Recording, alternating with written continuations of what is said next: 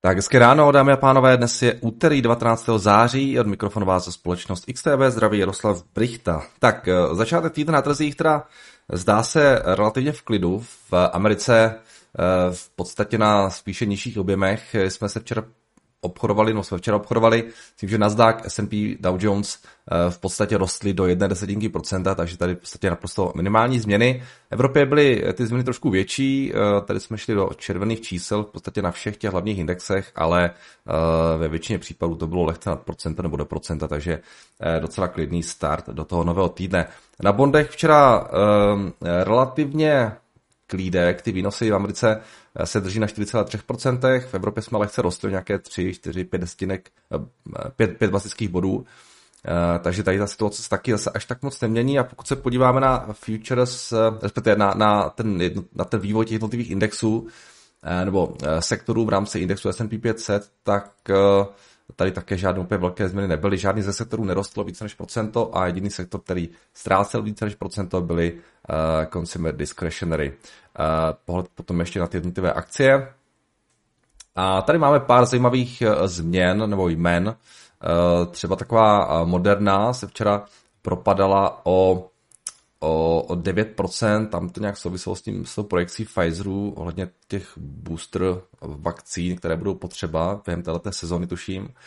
E, Tesla včera klesala o 3,32%, Um, akcie Tesly v, jo, klesaly po té, co analytici uh, Goldmanu snížili výhled pro EPS na letošní a příští rok, takže to je trošku dostalo dolů. Um, potom, když se podívám na ty další věci, Visa plus 1,4, Apple plus 1,6, jinak uh, se to tady tak nějak asi drželo. Největší zisky včera měla společnost Tyler Technologies, ty rostly o 4%, uh, Rollins o 3%, největší ztráty potom tam byla ta moderná, pak dlouho nic a pak nějaké další společnosti, které ztrácely 4, 4%. Takže uh, relativně klídek všem na trhu, jinak uh, od včerejška máme v S&P 500 nové dva členy. Uh, jsou jimi společnosti Airbnb a Blackstone, které byly zařazeny do indexu. Uh, tam nahradí společnosti Lincoln National a Newell Brands, takže tyhle ty dvě Eh, známé populární společnosti Airbnb a Blackstone jsou teď teda v indexu. No a potom eh, tam bylo pár takových zajímavých eh, témat. Mám tady docela dost věcí, tak to tak pojďme v rychlosti projet. Včera nám klesaly třeba akcie Arm Holdings, ty se už dostali zpátky dokonce zpět na tu cenu, vlastně kde zahájili to IPO, pak se ta trošku zvedli na těch 58 dolarů, uzavřeli. Každopádně ten, ten Prudký růst je v podstatě vymazán, uvidíme, co bude v těch dalších, dalších dnech. Bernstein prý zahájil coverage akcie ARM a dali jim hnedka underperform rating, prý jsou eh, pro ně největším rizikem risk 5 eh, eh, konkurence a situace v Číně, takže jo, ta navíc ta volace taky není úplně nejlevnější nebo nejnižší, takže to se možná taky trošku projevuje. Potom docela velké téma byla situace na Societe General, která eh, zamířila docela dolů. Eh, včera se propadaly akcie eh, Societe General o nějakých 12%, možná jste zachytili. Banka totiž oznámila nový strategický plán, se kterým přišel její nový CEO Slavomír Krupa, který je ve funkci asi tak čtyři měsíce. Eh, dlouho se čekal na to, s čím přijde, no a včera s tím přišel, s tím strategickým plánem. Eh, ten teda rovnou katnul targety pro tržby a zisk a zhoršil výhled pro payout ratio, které má být mezi 40 a 50, 40 až 50 procenty. Eh, banka chce více peněz podržet pro sebe kvůli navýšení kapitálu. Jinak teda CEO nově počítá s růstem tržeb mezi 0 a 2 procenty Eh, return on tangible equity pak vidí na úrovni 9 až 10%, což taky není žádná sláva i eh, ve srovnání s těmi ostatními evropskými bankami. Eh, řada analytiků ten nový plán hodnotila ty targety hodnotila jako velké zklamání a akcie to náležitě reflektovala. Samozřejmě otázkou je, jestli nový CEO neslibuje záměrně málo, aby potom mohl překonat, ale tady proto zjevně včera neměli úplně moc pochopení, takže ta akcie to docela schytala. Jo, jinak prý chce ještě taky snižovat náklady o nějakou 1,7 miliardy dolarů, teda euro, zlepšit efektivitu pro nějaké části biznesu, tak uvidíme, jak se mu to bude dařit. Ale je faktem, že momentálně Societe Generál je, myslím, že nejlevnější z těch velkých bank, co se týče co se týče multiplu uh, price book, jo, oni mají nějakých teďka, no, právě dokonce 0,27 price book, uh, což je jo, méně než všechny ty ostatní banky, vlastně BNP Paribas, Deutsche, Commerzbank, uh, jo, v Česku, já nevím, Moneta je kolik, nebo Komerčka v Česku, myslím, že dokonce nad, nad jedničkou price book. Uh, a tak to je Česko, řekněme to, já se bavím o těch velkých bankách, ale ty velké banky jsou Eh, jsou, jsou na tom výrazně lépe než, eh, než eh, Societe General, takže um, těžko říct, jestli, uh, jestli ta reakce um, není možná trošku přehnaná, jo, zase jako pokud tam přijde někdo, kdo uh, to posadí do nějaké reality a, a začne nějak trošku na to makat, tak jako si dokážu představit, že by se situace tam mohla začít zlepšovat, ale, ale nevím, já zase jako opět banku neznám. Societe úplně tu banku neznám, takže um, a moc evropským bankám upřímně nevěřím, takže uh, to je takový typ bank, které podle mě můžou vybouchnout ze dne na den, když přijde nějaký průšvih. Takže uvidíme, no. Opravdu se momentálně nějakých 19 miliard, uh, net nějakých 4, 3,4, 4,3 po tom příštím roce, takže uh, úplně drahé to není, ale těžko říct, no. Takže tohle bylo docela, docela zajímavé. Um, potom uh, tady je docela oblíbený uh, ZIM, Integrated Shipping, včera rostl o nějakých 5 nebo 6% tam JP Morgan jsou na ně hodně, jsou na ně teda bullish, ne hodně bullish, ale jsou na ně bullish. Um, uvedli to docela tak jako zajímavém reportu, tam uvedli, že se během dvou let transformovali z lídra v ziskovosti do pozice firmy se skoro nejhoršími maržemi. Eh, prý se ale má jednat jen o dočasnou záležitost a měli by být v budoucnu více konkurenceschopní, takže ti dokázali včera trošku růst a eh, Potom samozřejmě velké téma je taky ten pokračující růst cen ropy, eh, která, když se podíváme, tak už se včera dostal na 91,3 dolarů za barel. A včera jsem se tak jako díval na ty aerolinky, tak pro zajímavost, dal jsem si tady do grafu, tady máme nahoře čtyři americké aerolinky uh, Southwest, Delta, American a United. A tady máme dole potom evropské aerolinky, tam je Lufthansa, Ryanair, uh, tam je to Air France a International Consolidated Airlines, nebo jak se to jmenuje, už nevím, Group. Tam patří British Airways, myslím, že ještě něco dalšího. A je to, je to srovnané za poslední rok, ta výkonnost, a vidíte, že třeba jsou tam některé aerolinky, které jsou stále v plusu, nějakých 18%, eh, v Americe na tom nelípe Delta Airlines, nejhůř naopak uh, Southwest, který jsou minus 20% téměř za poslední rok. A v Evropě teda nejhůř na tom Air France za ten poslední rok, tam je to minus nějakých 12%. A ten zbytek je docela v plusu nějakých 29, 34, 49%. Takže za ten poslední rok docela OK výkonnost, ale teď teda v těch posledních, posledních měsících ty aerolinky začínají zase ztrácet a, a ten, ty vysoké ceny ropy pravděpodobně v teď jim taky asi úplně moc pomáhat nebudou, takže uvidíme, eh, kam budou směřovat do těch nadcházejících dnů a týdnů. Eh, no a potom tady mám, nevím, jestli sledujete, teďka tu situaci kolem Unity Software. Velmi zajímavá záležitost tam momentálně odehrává. Um, Unity totiž změnila začátkem uh, minulého týdne uh, poplatkovou politiku pro developery. A byla to teda totální mes, v jako PR katastrofa. Uh, co jsem tak pochopil, tak od začátku příštího roku pro Unity představila takzvaný runtime fee, což má být poplatek 20 centů za každou instalaci hry. Prosím vás, a ne prodej hry, ale instalaci hry, Uh, tyhle tě 20 centů budou účtovat teda developerům, což pochopitelně otevírá strašně moc jako problematických situací. Uh, pokud si třeba já koupím hru, uh, nainstaluju si, uh, pak si smažu a pak si zase nainstaluji, tak prostě uh, ten developer bude platit Unity dvakrát. Jo? Někdo navíc prý moc, někdo navíc prý moc neví, jak to vlastně ty instalace budou trakovány. Unity to nevysvětlilo, prý jim mají věřit developeři, že to mají nějaké své metody. A, a tak se to může týkat třeba i pirátských verzí. A platit prý mají developeři i za instalace Early Access, beta nebo demo verzí. No. Ale úplně největší pecka ze všeho je, že se to má týkat všech her, které budou v roce 2024 frčet na Unity Engineu. Takže i her, které jsou třeba 10 let staré. No, což, což je potenciálně i možná jako nezákonná záležitost. No prostě se kolem toho spustil strašný backlash developerů. Uh, ti vyhrožovali, že Unity, že se Unity končí, Uh, Unity kanceláře v San Francisku dokonce museli být evakuovány nebo zavřeny kvůli výhruškám, že to tam někdo přijde vystřílet. Uh, takže solidní chaos uh, se kolem toho spustil. No a výsledkem je, že Unity uh, se teďka včera vlastně uh, omluvili v tomhle tweetu, že prý udělají v té cenové politice změny. Každopádně řada developerů tvrdí, že uh, důvěra v ně byla jako výrazně otřesená, už jim nevěří. Na netu se množí blogy jo, developerů s názvem Rest in Peace Unity, jo, The Death of Unity, nebo Unity can get fucked. Takže taky kolem toho tuna mýmu, uh, jsem si tady pro vás pár připravil, tak pro zajímavost, uh, pro zasmání, tak co se mi líbilo, jo, tak uh, to je taková ta parafráze na ty uh, černochy, jak jdou s tou bílou rakví, tady tohle.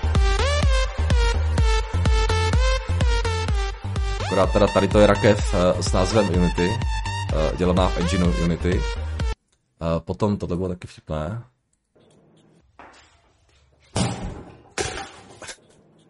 To je nějaký developer, to je nějaký bloger, který, který se to vyjadřoval. A pak tohle je taky fajn.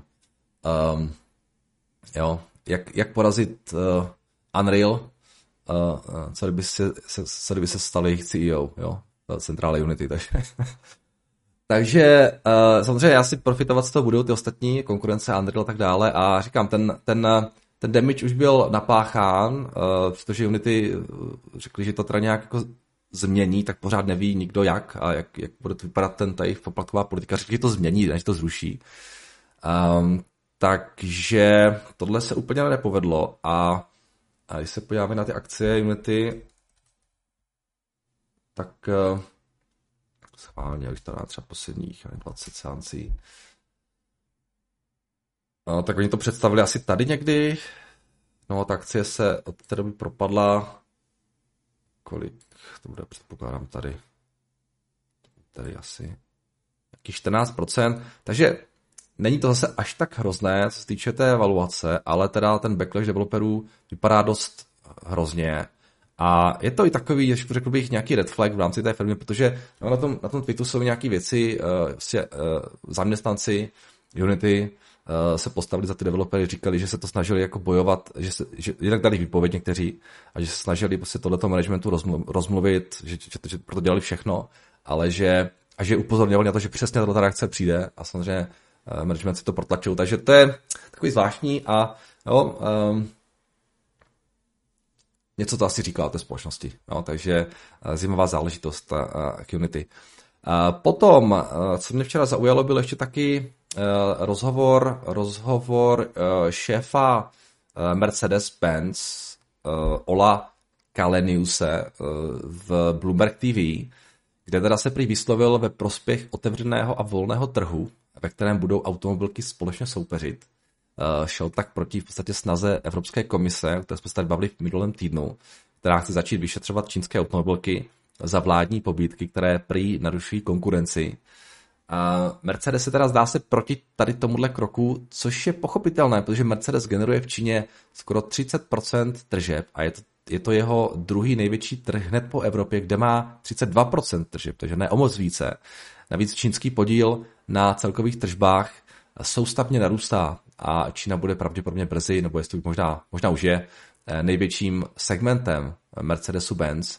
A jo, pokud by začali v Evropě vyšetřovat uh, čínské automobilky, tak určitě by začaly v Číně vyšetřovat také evropské automobilky. Takže um, jo, asi je tady, možná ani ty evropské automobilky to nechtějí, i když jak které, možná některým by to vyhovovalo, těžko říct, ale jsou určitě některé, kterým, které, které si radí soutěžit na, na to volném trhu, protože um, ta konkurence začíná, ta konkurence začíná přituhovat. takže tohle jsem chtěl taky ještě zmínit. A potom ještě jedna zajímavá věc.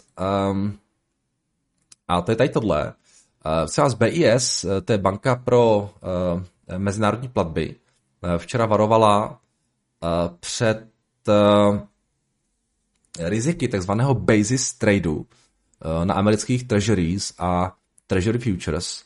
Uh, basis trade je v podstatě arbitráž, uh, ve které vlastně jdou obchodníci short na treasury futures a long na treasury bondech, jo, to, jsou ty, to jsou ty cash bondy, a snaží se vydělat na tenkém spreadu, který se tam občas objevuje. Uh, podle BIS uh, jsou aktuálně short pozice na Treasury Futures na historickém rekordu v objemu 600 miliard dolarů. Uh, všechno je to samozřejmě strašně napákované. A pokud by na trhu nastal nějaký event, který by vedl k větší volatilitě, mohlo by to na těch eh, futures spustit margin cally, které eh, by následně mohly spustit plnou masivních prodejů na spotovém trhu, jo, což může přispět k celé řadě nepěkných věcí, protože trh s americkými bondy je samozřejmě strašně důležitý úplně pro všechny. Eh, je to benchmark pro x dalších instrumentů, všech možných swapů, derivátů a tak dále takže uh, to by asi nebylo úplně fajn. Tak to jen tak pro informaci, abyste věděli, že kolaps na tomhle obřím trhu, kde se denně protočí 750 miliard dolarů, může přijít prakticky kdykoliv. Samozřejmě Fed by to určitě řešil, okamžitě by, okamžitě by zasáhnul jo, a nějaký dlouhodobý dopel by tam asi nebyl, ale jo, ten samotný proces jo, může klidně na ty trhy přivát nějaký pěkný flash crash uh, někdy v budoucnu. Um, to si určitě dokážu představit. Takže uh, buďte ve střihu a bacha na basis trade. Jo. Tak a to je víceméně všechno uh, k tomu včerejšku, co jsem chtěl uh, zmínit. Uh, jinak ta pondělní stanice to zase až tak moc nepřinesla, nebyly tam nějaké úplně důležité makrodata, nějaké další, další zprávy. Uh, takže jenom tohle to mám. Když se podívám na FX, tak včera byl tady taky relativní klídek, eurodolar se moc nehnul z místa a i ty další minové páry v podstatě se držely. Ta volatilita některých minových párů byla úplně, úplně tragická, respektive ty, ty, jo, ten range, ve kterém jsme se pohybovali. Takže tady nic moc úplně zajímavého a jak jsem říkal včera, tak hlavně od té středy se začnou dít trošku zajímavější věci, protože máme tam ten FED, máme tam ty další centrální banky, takže tam by to, plus nějaké makro, takže tam by to potenciálně mohlo být docela zajímavé. Jo. Takže na tom Forexu včera se dívám na to, ještě to projíždím, ale nic úplně zásadního. A uvidíme, co přinese teda dnešní sánce, která taky nebude nějak úplně super bohatá na makro. Máme tam CPI jako z Kanady, to může být potenciálně docela zajímavé pro kanadský dolar. Máme tam data z amerického trhu s bydlením, nové zájemné stavby, nově udělené stavební povolenky. A to je víceméně všechno. Eh, futures dnes ráno vypadají docela uh, normálně. Tady v podstatě žádná velká změna zatím. Tak uvidíme, jak to potom otevře. A já myslím, že jsem asi hotov s tím, co jsem vám chtěl říct. Takže pro mě to všechno a pojďme se podívat na vaše dotazy. Tak, já do první otázka míří k tomu, jak sleduješ dění v USA. Je jasný, že koukáš na čísla CNBC a 4 Bloomberg, kde se ale vezme to přesvědčení, že opravdu tahle firma je ta, do které chceš investovat. Já mám rád na české burze třeba eh, to, že tu firmu vidím, eh, vidím její fabriky, zaměstnance odhadují lépe makroprostředí. V tom USA se zatím stále spolehali nejvíce na význam značky a číslo společnosti. A ještě něco tady. Dokázal bys říct, tak u těch firm přemýšlíš pro Ameriku? Eh, díky. A pak ještě pak mě už dlouho hrozně zajímá důvod toho, proč točíš tohle video, tohle videa. Je to ohromná porce dat a informací, které mám, nám dáváš na talíř. Mě doslova, protože tě koukám, mě doslova, protože tě koukám nejčastěji u oběda. mě je hezký den. Uh, tak proč točím tohle videa?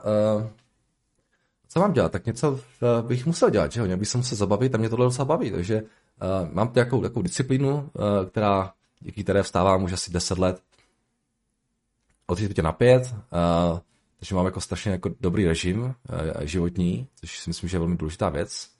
A, a není to tak moc práce, ono to vypadá jako, že je to spousta práce, ale on to fakt není moc práce. A ta příprava mi zabere strašně málo a ono to v podstatě ani není příprava, že já bych to stejně dělal a natočím to video, hodím to na YouTube a je to hotové. A navíc mám takovou pěknou komunitu, jakou tady, jakou tady mám, jo. A, a dostávám od vás taky nějaký zajímavý typy a vlastně mě to baví, no, tak jako nic, nic komplikovaného v tom nehledejte. Navíc to dělám pod XTB, takže díky tomu mám přístup na Bloomberg, což je taky obrovská jako přidaná hodnota pro mě. Uh, to, jo, bez Bloombergu prostě by byl, bez, by byl jak bez ruky, takže to je taky důvod, jo, protože mám Bloomberg díky tomu. A, a je to fajn takhle mít tady asi takovou komunitu lidí, ne moc velkou, ne úplně malou, ale taky příjemný pocit. Takže proto. A co se týče té otázky k té Americe, tak uh, to je třeba jeden z důvodů, proč já se víc možná zaměřuji na ty větší firmy, ke kterým jde získat více informací. Jo? Uh, já nemám úplně rád takové ty nějaké, jo, samozřejmě spousta lidí třeba může dobře investovat a vydělávat na nějakých small capech, ale neříkám, že je úplně mě jako nezajímají, taky se občas podívám na nějaké small capy, ale víc mě zajímají nějaké nějaké větší firmy, eh, o kterých si můžu přečíst i názory ostatních lidí, eh, lidí, kteří v tom oboru třeba pracují nebo v té firmě pracují, anebo se pohybují v tom segmentu, ve kterém ta firma podniká a na to si pak udělám nějaký názor. No, takže v podstatě nepotřebuju třeba s tím, s tou firmou nějak jako přímo pracovat nebo s tím jejich nástrojem, ale eh, dokážu, doufám, udělat názor díky tomu, že třeba vám ty informace od lidí, kteří se v tom segmentu pohybují. Jo.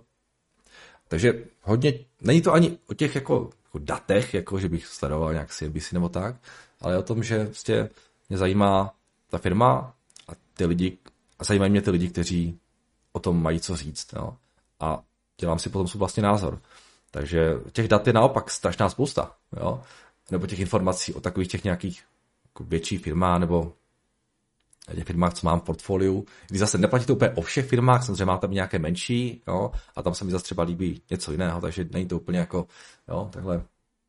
Jo, ale třeba když mám, jo, třeba moje druhá největší pozice je Amazon, tak jako o něm je spousta informací, je dohledatelná a uh, o tom je, je, úplně jedno, jestli jste v Česku, nebo jestli jste v Americe, nebo kdekoliv jinde, protože uh, si myslím, že si dokážu udělat docela dobrý obrázek o tom, jak ta firma funguje. Jo. A ve finále je taky strašně důležitá ta kultura té společnosti, ta, ta, ta osoba těch lidí, nebo ty lidi, kteří tu firmu vedou. A, a, a v no, takových firmách jsou třeba i knížky, no, takže, takže si těch informací je získat docela dost a není to jenom o těch jako čistých datech, jo, těch finančních výkazech, ty jsou, ty jsou tak samozřejmě taky důležité, jo. ale ty finanční výkazy k tomu mám přístup stejně jako všichni ostatní, takže um, taky není žádný velký problém. Tak včera jste zmínil, že jste uh, se chat GPT doptával na frekvence, předpokládám, že to bylo kvůli společnosti Dish. A mohl byste se podělit o další informace, které jste v souvislosti s touto společností zjistil. Uh, nebylo to kvůli Dishi, paradoxně, uh, bylo to kvůli těm telkos. Um, mě to zajímá ten, ten, ten telkos business, když bych do toho úplně asi neinvestoval, ale ta dynamika tam mi přijde docela, docela zajímavá. A uh, jsem se trošku jako dozvě, doz, do, že jsem by nebyl jas, nebylo jasných pár věcí a pořád se v tom ztrácím těch frekvencí, je to komplikované, jako, komplikované téma. Když i v podstatě nic jako úplně zásadně nového nemám, já je sleduju, co tam děje, tam je to všechno samozřejmě o těch 5G Open technologií a teďka spustil se ten nový iPhone, to je vlastně první telefon, který podporuje ten jejich, ten jejich um, tu jejich technologii, ten typ volání, které v té 5G síti jede, takže až teďka vlastně, když byl schopný a teďka poprvé zahájil vlastně nějaké akce, kdy nabízí, kdy, kdy tu síť začal prodávat, nabízí vlastně iPhony s nějakou velmi dobrou cenu, plus jo, samozřejmě za to, že když přijdete, přijdete k jejich síti, takže postupně to začínají velmi jako pozvolna uh, prodávat, plus tam možná ještě důležitější než ten, ten consumer je ten enterprise segment, který chtějí využít a které chtějí prodávat tu svoji, tu svoji síť. Takže uh, tam je to všechno o tom, uh, jak se jim bude dařit v těch nadcházejících uh, kvartálech. Uh, je to o tom, jak uh, budou schopni to financovat, protože jim chybí samozřejmě peníze a, a, a jsou na tenkém ledě s tímhle. A taky je to o tom, jak, jak vlastně uh, nacenit celý ten biznis, uh, vzhledem tomu, že i kdyby se jim to nepodařilo, tak možná by je klidně někdo mohl koupit, protože ty frekvence, které oni mají, tak jsou jako velmi žádané aktivum a uvidíme, Uh, jestli, jestli se třeba, pokud se jim to nepodaří rozjet na sebe, jestli se jim podaří najít nějakého kupce pro celý ten biznis, takže uh, to je pořád jako stejná story, řekl bych. No, by tež, pak je tam ještě taková zajímavá dynamika mezi těmi těmi operátory. No, teďka kupovali nějakou aukci, nebo teďka chtě, oni mají nějakou opci na, na frekvence od T-Mobile, uh, ty se s nimi chtějí nějak to dohadovat ještě, takže um, je tam spousta věcí, které můžou, můžou hrát roli, plus samozřejmě oni mají nějaké deadline na to, aby postavili tu síť. Uh, uvidíme, jestli se jim podaří třeba ten deadline prodloužit, to by jim hodně pomohlo od UFCC, uh, UFTC. Uh, uh, je tam spousta věcí, která ten biznis může a, ten, a tu tezi může uh, do budoucna ovlivnit. Uh, tak. Ahoj, Jado, rád bych se zeptal na společnost American Express, kterou snad není potřeba představovat. Firmě se dlouhodobě daří spojit svoji značku s jistým společenským statusem a tak by se jí nemusela moc dotýkat. Případná recese, mohu poprosit o názor, zda investice dává smysl při tomto ocenění. Díky. Tak, American Express. Um, se podívat schválně. Oni mají samozřejmě jako velký uh, credit card business, takže tam nějaký dopad recese by určitě eh, byl vidět. Oni mají nějakých 120 miliard eh, těch, na těch kreditních kartách napučováno. To se ho dotne všech, které, kteří jsou v tomhle biznise. A ta valuace udělala co v těch posledních? Trošku to kleslo, nebo no nic úplně zásadního zase zatím. Jako se bude relativně silný. A momentálně valuace kolik? Nějakých, sedm, eh, teda nějakých 117 miliard, um, 7,3 miliardy net income a 8 miliard by měli dělat letos i příští rok. A když se podíváte na ten multiple, tohle je kvalitní biznis, tam je asi všechno v pořádku, stabilní. A je to takový unikátní, no, něco takové jako Oni nejsou a jsou jako konkurent Visa a Mastercardu, ale oni to mají všechno, ten systém nějak prostě pod sebou. To jsou trošku něco jiného než Visa a Mastercard. A navíc samozřejmě mají ten business jo, těch kreditních karet a tak dále, rozdíl od Visa Mastercardu.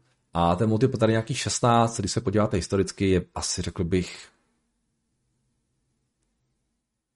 nějaký jejich standard, nebo možná trošku, trošku dražší než historicky. A, ale spíš ne, spíš jsou tam někde, kde tak nějak asi historicky bývají, takže za mě to je oceněné asi normálně. Samozřejmě s tím, že pokud by přišla nějaká recese a ten consumer by začal trošku zpomalovat, tak to asi ještě nějaký, nějaký downside má, ale to je asi na, na každém, aby si na to udělal nějaký názor.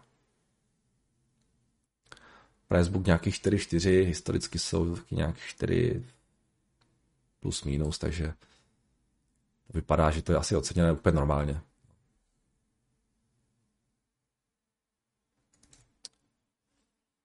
Tak, Alherdo kupují americké akcie u brokera v Česku. Hypoteticky, kdyby šla koruna fuč a my bychom přešli za několik let na euro, tak ten broker to jen konvertuje z CZK do eura a hodnota bude stejná vůči eur USD, ne? Děkuju. A nechápu teďka, co konvertuje. Jakože kupuju americké akcie u brokera CZK tak pokud máte americké akcie, tak ty jsou v dolarech, že jo?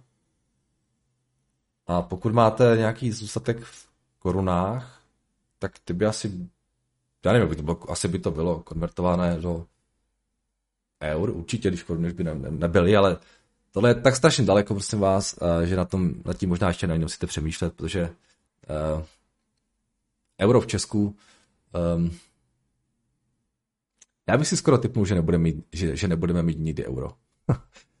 a, a jestli ale někdy jo, tak to bude ještě jsem si hodně dlouho trvat. Um,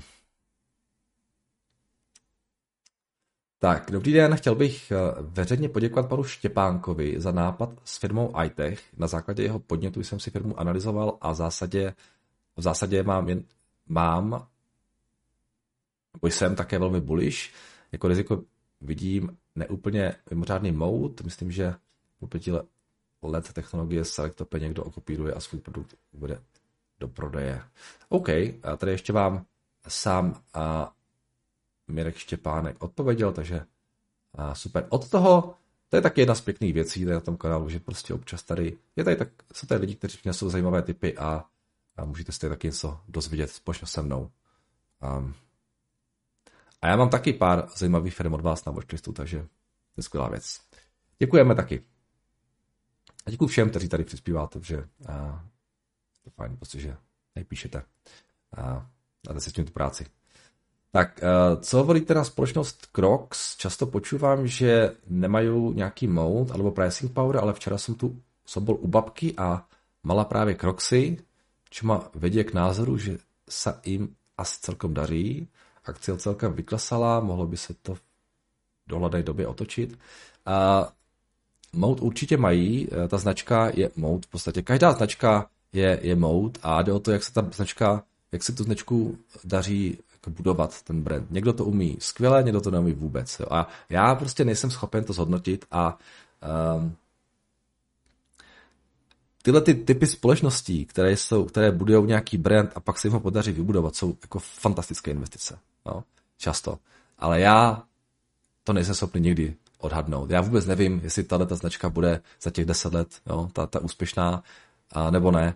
Já to prostě nedokážu nějak vyhodnotit. Vždycky to vidím až ex post, jo, a už je pozdě samozřejmě. Takže a, krok si my jsme tady řešili už párkrát, myslím v minulosti, asi to tak najděte eh, v tom našem eh, spreadsheetu. A je to zajímavý typ společnosti, a ten brand zjevně funguje, um, ale nemám absolutně žádný názor na to, jak, jak to může fungovat do budoucna. Se podíváte na tu valuaci teď, schválně, kde jsme. A oni dělají, jsem viděl ještě nějaké další. Já jsem to ukazovali v těch videích, myslím, že jsme se o tom bavili, dělali nějaké další věci k tomu dělali, mám si nějaké akvizice ještě udělali. Uh, teďka mají růst o 12%, letos příští rok o 7%. Marže mají super. A dá se, že jim to docela šlape, no, tak uh, to docela propadlo, ne, teda, se tady dívám na tu valuaci. No, z nějakých 140 až 87 takže ten multiple teď vypadá tak hrozně. A kolik to je teďka? No nějaký sedm, s tím, že je to 10 na tom EVčku. Či docela fajn. Nevím, proč to tak kleslo, jestli tam zatím něco třeba není, ale ale ani to možná není moc drahé, no asi bych potřeboval vědět víc o tom managementu a tak a možná se na to podívám. Budu trošku náladu. Ale jo, tohle může úplně v pohodě fungovat, to, ta, to, ta věc dlouhodobě. Já se mrknu. Trošku, trošku víc, až bude na to chuť. Tak, eh, Dobrý den, ano, já je skvělá na vyhledávání informací, jen musíte být schopen poznat, tam mluví pravdu, protože pokud odpověď na vaši otázku nezná, tak se často prostě vymýšlí. Jo, jo, tady ty halucinace jejich, to je známá věc samozřejmě, potřeba s tím trošku pracovat, no, ale no, už to časem proto získáte nějaký feel, si myslím. Ahoj, do, moc krát děkujeme za komentáře. Rád bych si představil a zeptal na číslo společnosti Karl Zeiss Meditech. Jedná se o globálního eh, poskytovatele lékařské technologie pro diagnostikování a léčení zrakových problémů a lídr na trhu inovativních vizualizačních řešení pro neurologická a ENT chirurgická uplatnění. Wow, tak to byla pěkná věta. uh, jo, tady to je víc ještě. Jejich vysokou předností je výroba umělých nit- nit- nitroočních čoček, které po operaci slouží bez nutnosti výměny celý další život – Jedná se o nový nástroj při operacích šedého zákalu, korekcích dioptrických vad a e, vedchozrakosti. E, možnost vrátit pomocí jedné čočky v operované během jednoho zákroku vidění na všechny vzdálenosti a současně korigovat astigmatismus, který poskytuje více než 30%, nebo postihuje více než 30% pacientů. Zajímavosti o společnosti Zeiss, projekt Google Earth používá čučky, čučky Zeiss ve svých teleskopech ke snímání fotografií zemského povrchu. První přistání na měsíci bylo na věky zaznamenáno v roce 1969 čočkami Zeiss, spolupracuje a dodává optické systémy pro výrobce čipu ASML a spoustu dalšího. Co se týče konkre- konkurenčního prostředí, tak největší konkurent je firma Alcon, Johnson Johnson, Vision, Hoya Corporation a další. Společnost se aktuálně nachází na svých ročních minimech a stále klesá. Vzhledem k počtu lidí s poruchou zraku se domnívám, že se jedná o stabilní biznis. Škoda jste nenapsal, Martine, proč tak teďka klesají. Každopádně díky za super představení společnosti. Um, Zní to velice zajímavě a těžko si ale udělat názor na tu, na tu konkurenci a na ten segment jako takový, protože absolutně nemám tušení, uh, jak ta, jak ta dynamika tady uh, v tom biznise, jak to tady funguje. Z, z,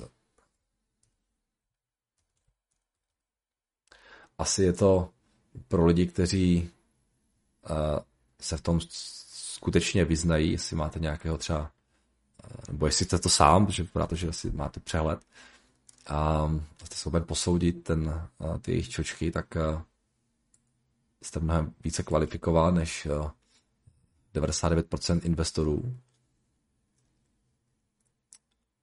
Každopádně takhle na první pohled, když se pojaví ty čísla, tak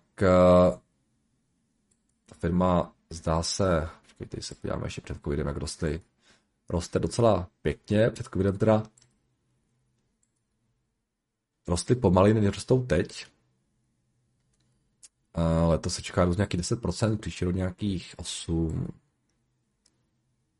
Takže nějaký jako spíš high single, mid single digit růst. Netinkám, uh, marže mají pěkné, uh, 260, 300 milionů Eh, na tom bottom line, takže řekněme, že jsou nějaký 22 násobek na tom EVčku, což není úplně levné, ale eh, často tyhle ty firmy, které jsou takhle specifické, mají nějaký jako takovýhle produkt, eh, tak se hold za tyhle ty vyšší multiply prodávají, takže ten multiple může být v pořádku, pokud opravdu mají um, nějaký jako silný mode, něco, co, co má prostě staying power a co na tom trhu bude dlouhodobě. Tak to se pěkně propadá, takže uh, historicky asi ten, ten multiple byl větší. Sválně, když se podíváme. A pokud se propadají bez nějakého úplně konkrétního důvodu, on tam vždycky něco vždycky by to chtělo zjistit co. Ale ten multiple tady byl výrazně vyšší v minulosti, takže možná No, hlavně v těch letech 2016, 17, 18 a tak dále. No, teda předtím se prodávali s nějakým multiplem kolem těch 16, 17. Takže bylo to 10, přes 10 roků zpátky už. Um, těžko říct, jo. Uh, takhle, jo, pro mě to je drahé, protože tomu segmentu nerozumím a abych kupoval firmu s nějakým takhle vysokým multiplem, tak bych potřeboval mít takovou velkou důvěru v to, že uh, ta firma má jako velkou staying power a že má jako slušný mode, takže ten růst bude pokračovat. Jo. A to samozřejmě nemám, protože neznám, takže těžko se mi to hodnotí, ale pokud vy tohle důvěru máte, tak eh, samozřejmě to může dávat smysl pro vás. Jo. A mně to bohužel přijde pořád jako relativně dražší, když ten jako historický ten multiple se vrací, začíná vracet nějakým, nebo ten multiple se začíná vracet nějakým historickým úrovním. Jo. Každopádně díky za, za představení a zajímavé společnosti. Tak a to je všechno z YouTube, takže pojďme ještě na Maže to dotazy, kde mám dvě věci. Kristýna, dobrý den, Jardo.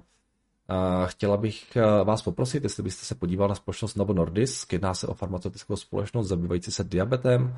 Společnost zaujímá vedoucí postavení také v oblasti péče o hemofilii, léčby, růstových, léčby růstovým hormonem a hormonální substituční terapie momentálně klesla rychle dolů a na to bych se chtěl zeptat. Moc informací jsem o tom nenašla, proč to tak je a zda si myslíte, že je dobrý čas do toho investovat. Moc děkuji za váš názor. E, tak děkuji, děkuji za dotaz. Můžeme se na ně podívat. Je to teda, teda farmaceutická firma, což není úplně šalek čaje. Podívám se na to akci. Novo Nordisk. S tím propadem. Um,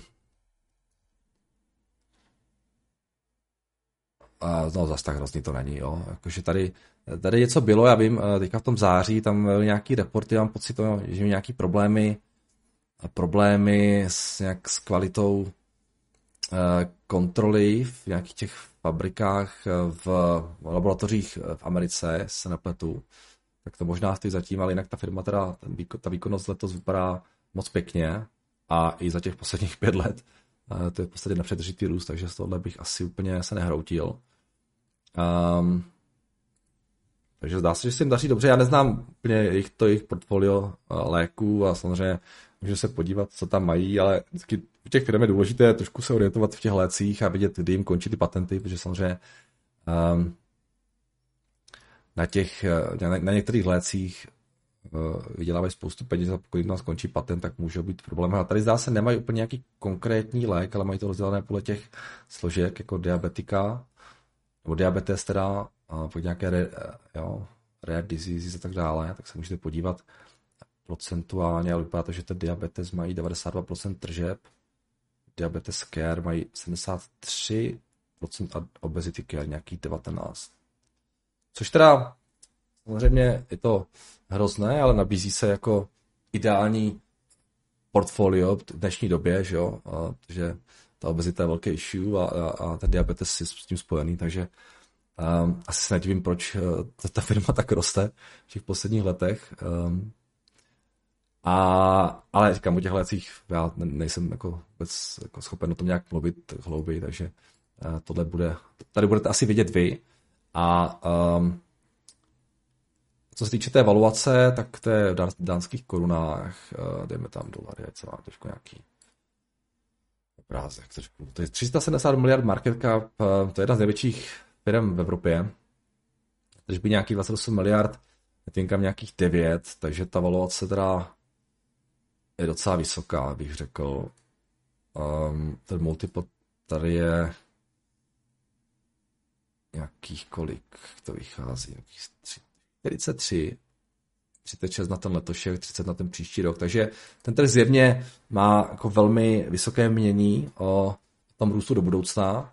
Vypadá to, že ta firma má růst pěkně i letos, i příští rok, i přes příští rok, nějaký 28, 18, 15% takže jako velmi pěkně fungující biznis. Bohužel je to všechno zdá se naceněné v té, v tom, v té valuaci. Jo. Takže uh, firma vypadá takhle podle těch čísel skvěle. Uh, trh ale to zaceňuje a ta cena není úplně jako malá. Jo. Uh, což neznamená, že uh, samozřejmě nemusí dát růst, pokud budou schopni generovat takhle pěkné čísla do budoucna, tak třeba ten multiple je v pořádku a třeba Jo.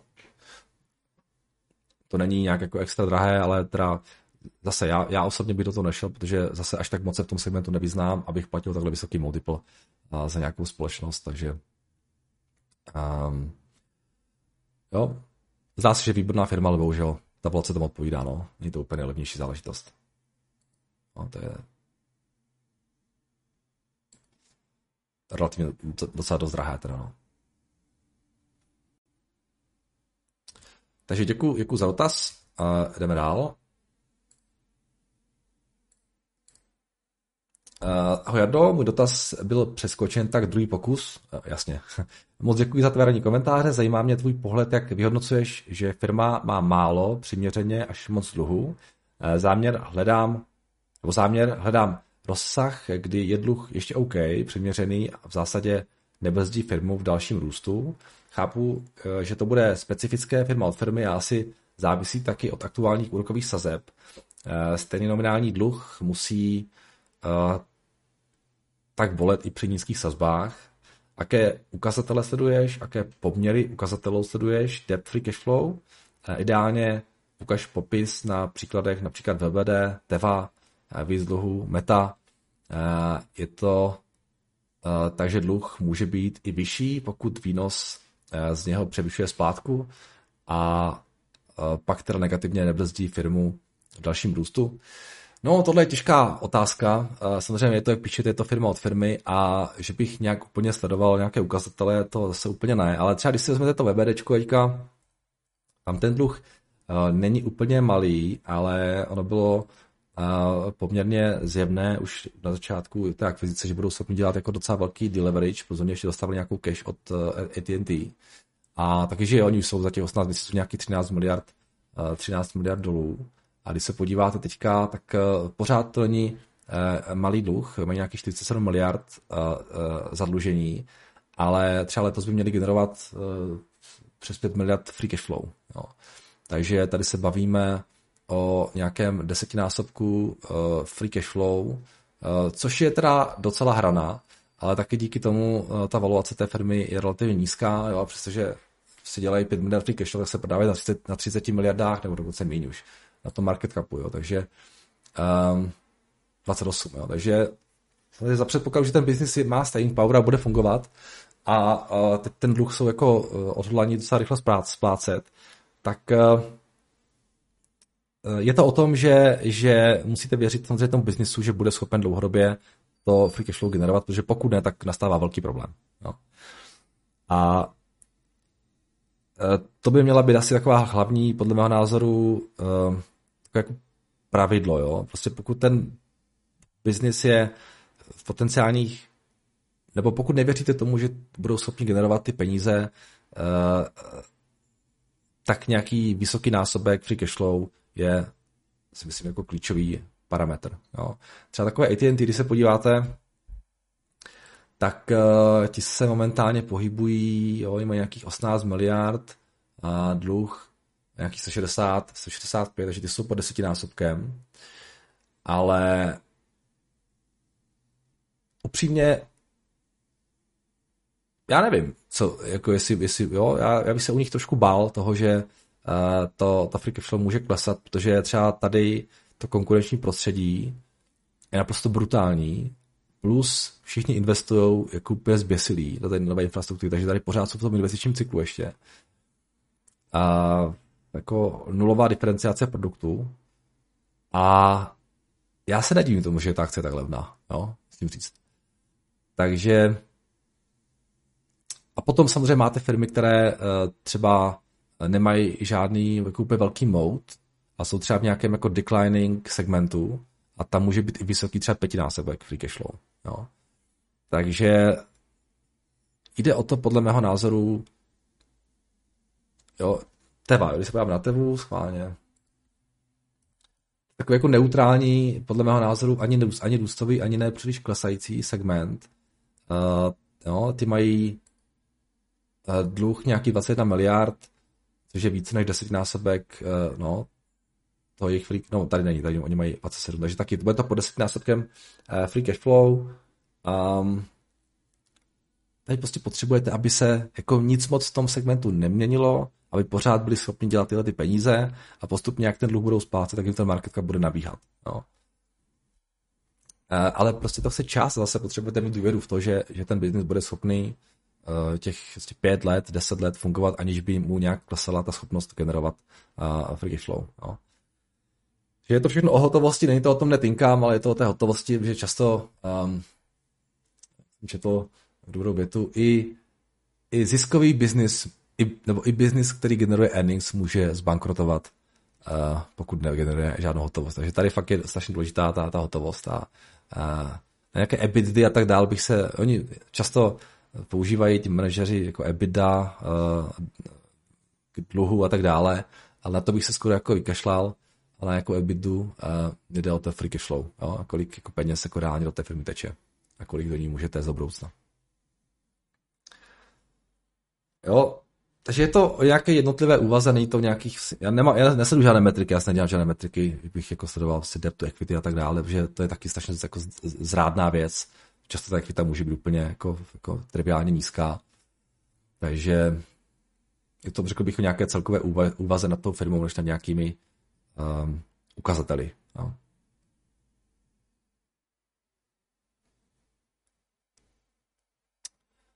no, to je všechno ode mě, protože žádný dotaz od vás už tady není, takže díky za dotazy a samozřejmě pište dál a uslyšíme se opět zítra, mějte se krásně a naslyšenou.